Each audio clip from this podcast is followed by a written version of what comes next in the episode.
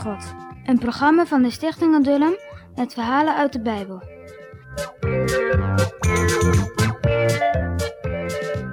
Esau huilde van kwaadheid.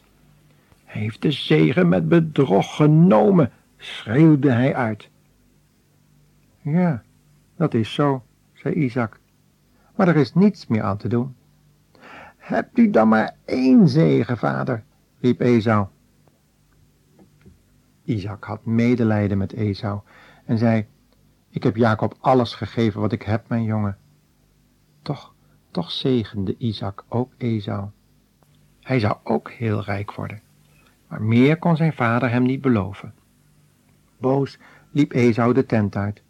Zijn gezicht stond als dat van Kaïn toen hij Abel doodsloeg. De mensen waarschuwden Rebecca. Pas op, zeiden ze. Esau wil Jacob doodslaan als Isaac gestorven is. Wat schrok Rebecca. Dat moest ze gauw aan Jacob vertellen. Hij moest vluchten. Toen nam Jacob gauw afscheid van zijn vader en moeder. Zou hij hen ooit nog weer zien? Alles, alles moest hij achterlaten. Ah, wat voelde hij zich ongelukkig. Nu was hij een vluchteling, omdat hij een bedrieger was. En de Heer had alles gezien en gehoord. Je kunt God niet bedriegen.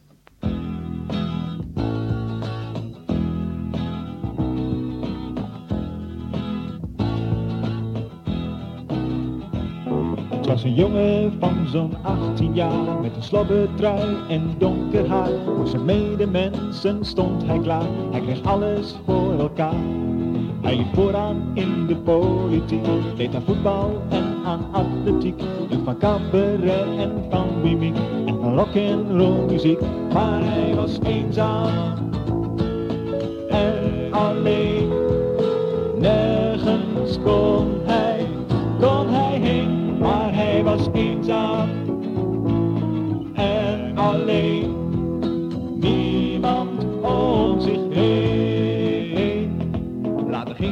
Als student op pad, van zijn vader kreeg hij centen zat. En hij dacht dat hij het had, op zijn kamers in de stad. S'avonds zat hij in zijn schommelstoel en hij rookte vaak een heleboel. En de drank gaf hem zo'n vrij gevoel, alles werd dan heerlijk school. Maar hij was eenzaam en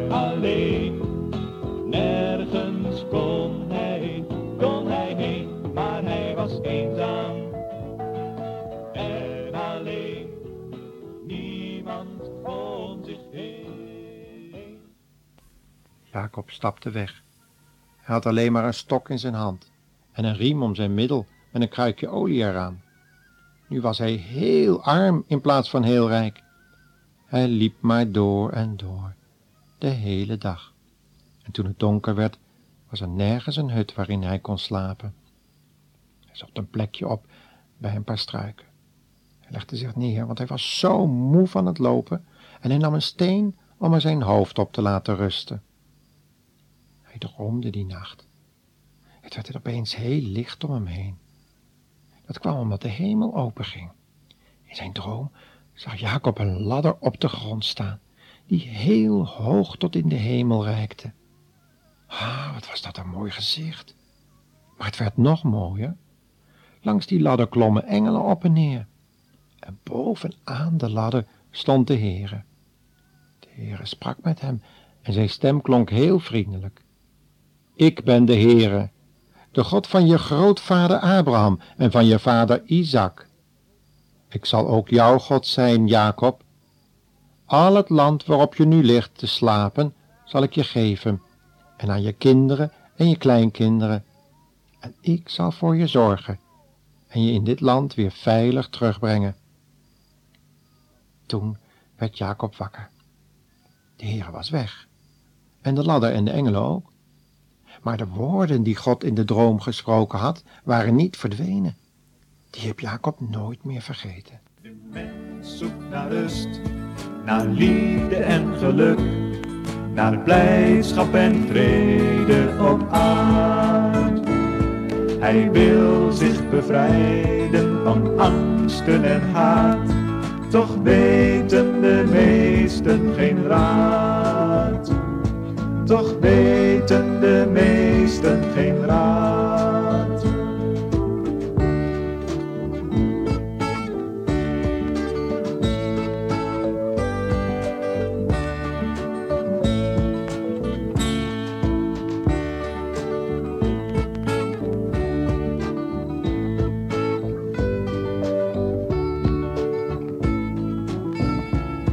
Want iedere mens is zondig en slecht.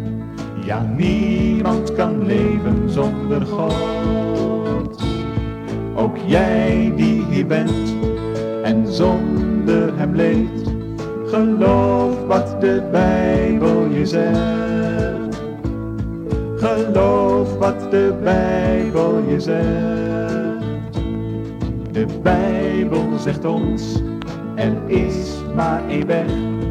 De Heer Jezus stierf aan het kruis. Beleid hem je zonden, geloof wat hij zegt. Voor jou stierf de Heer aan het kruis. Voor jou stierf de Heer aan het kruis. Wat was die blij? Nu wist hij dat de Heere met hem meeging en alles vergeven had. Nu was hij niet alleen. Ik wist niet, zei hij eerbiedig, dat de Heere op deze plaats was. Toen zette hij de steen waarop zijn hoofd gerust had recht overeind. Hij nam het kruikje met olie en goot het leeg over die steen. Nu was die steen een altaar geworden. Jacob gaf de olie die hij nodig had om zijn pijnlijke voeten in te drijven aan de Heere als teken van zijn dankbaarheid. En hij noemde die plaats Bethel. Dat betekent huis van God. Jacob ging toen naar het land waar zijn moeder Rebecca vandaan kwam. Hij kwam bij zijn oom Laban. Hé, hey, die hebben we al eerder ontmoet. Hoe zou dat aflopen?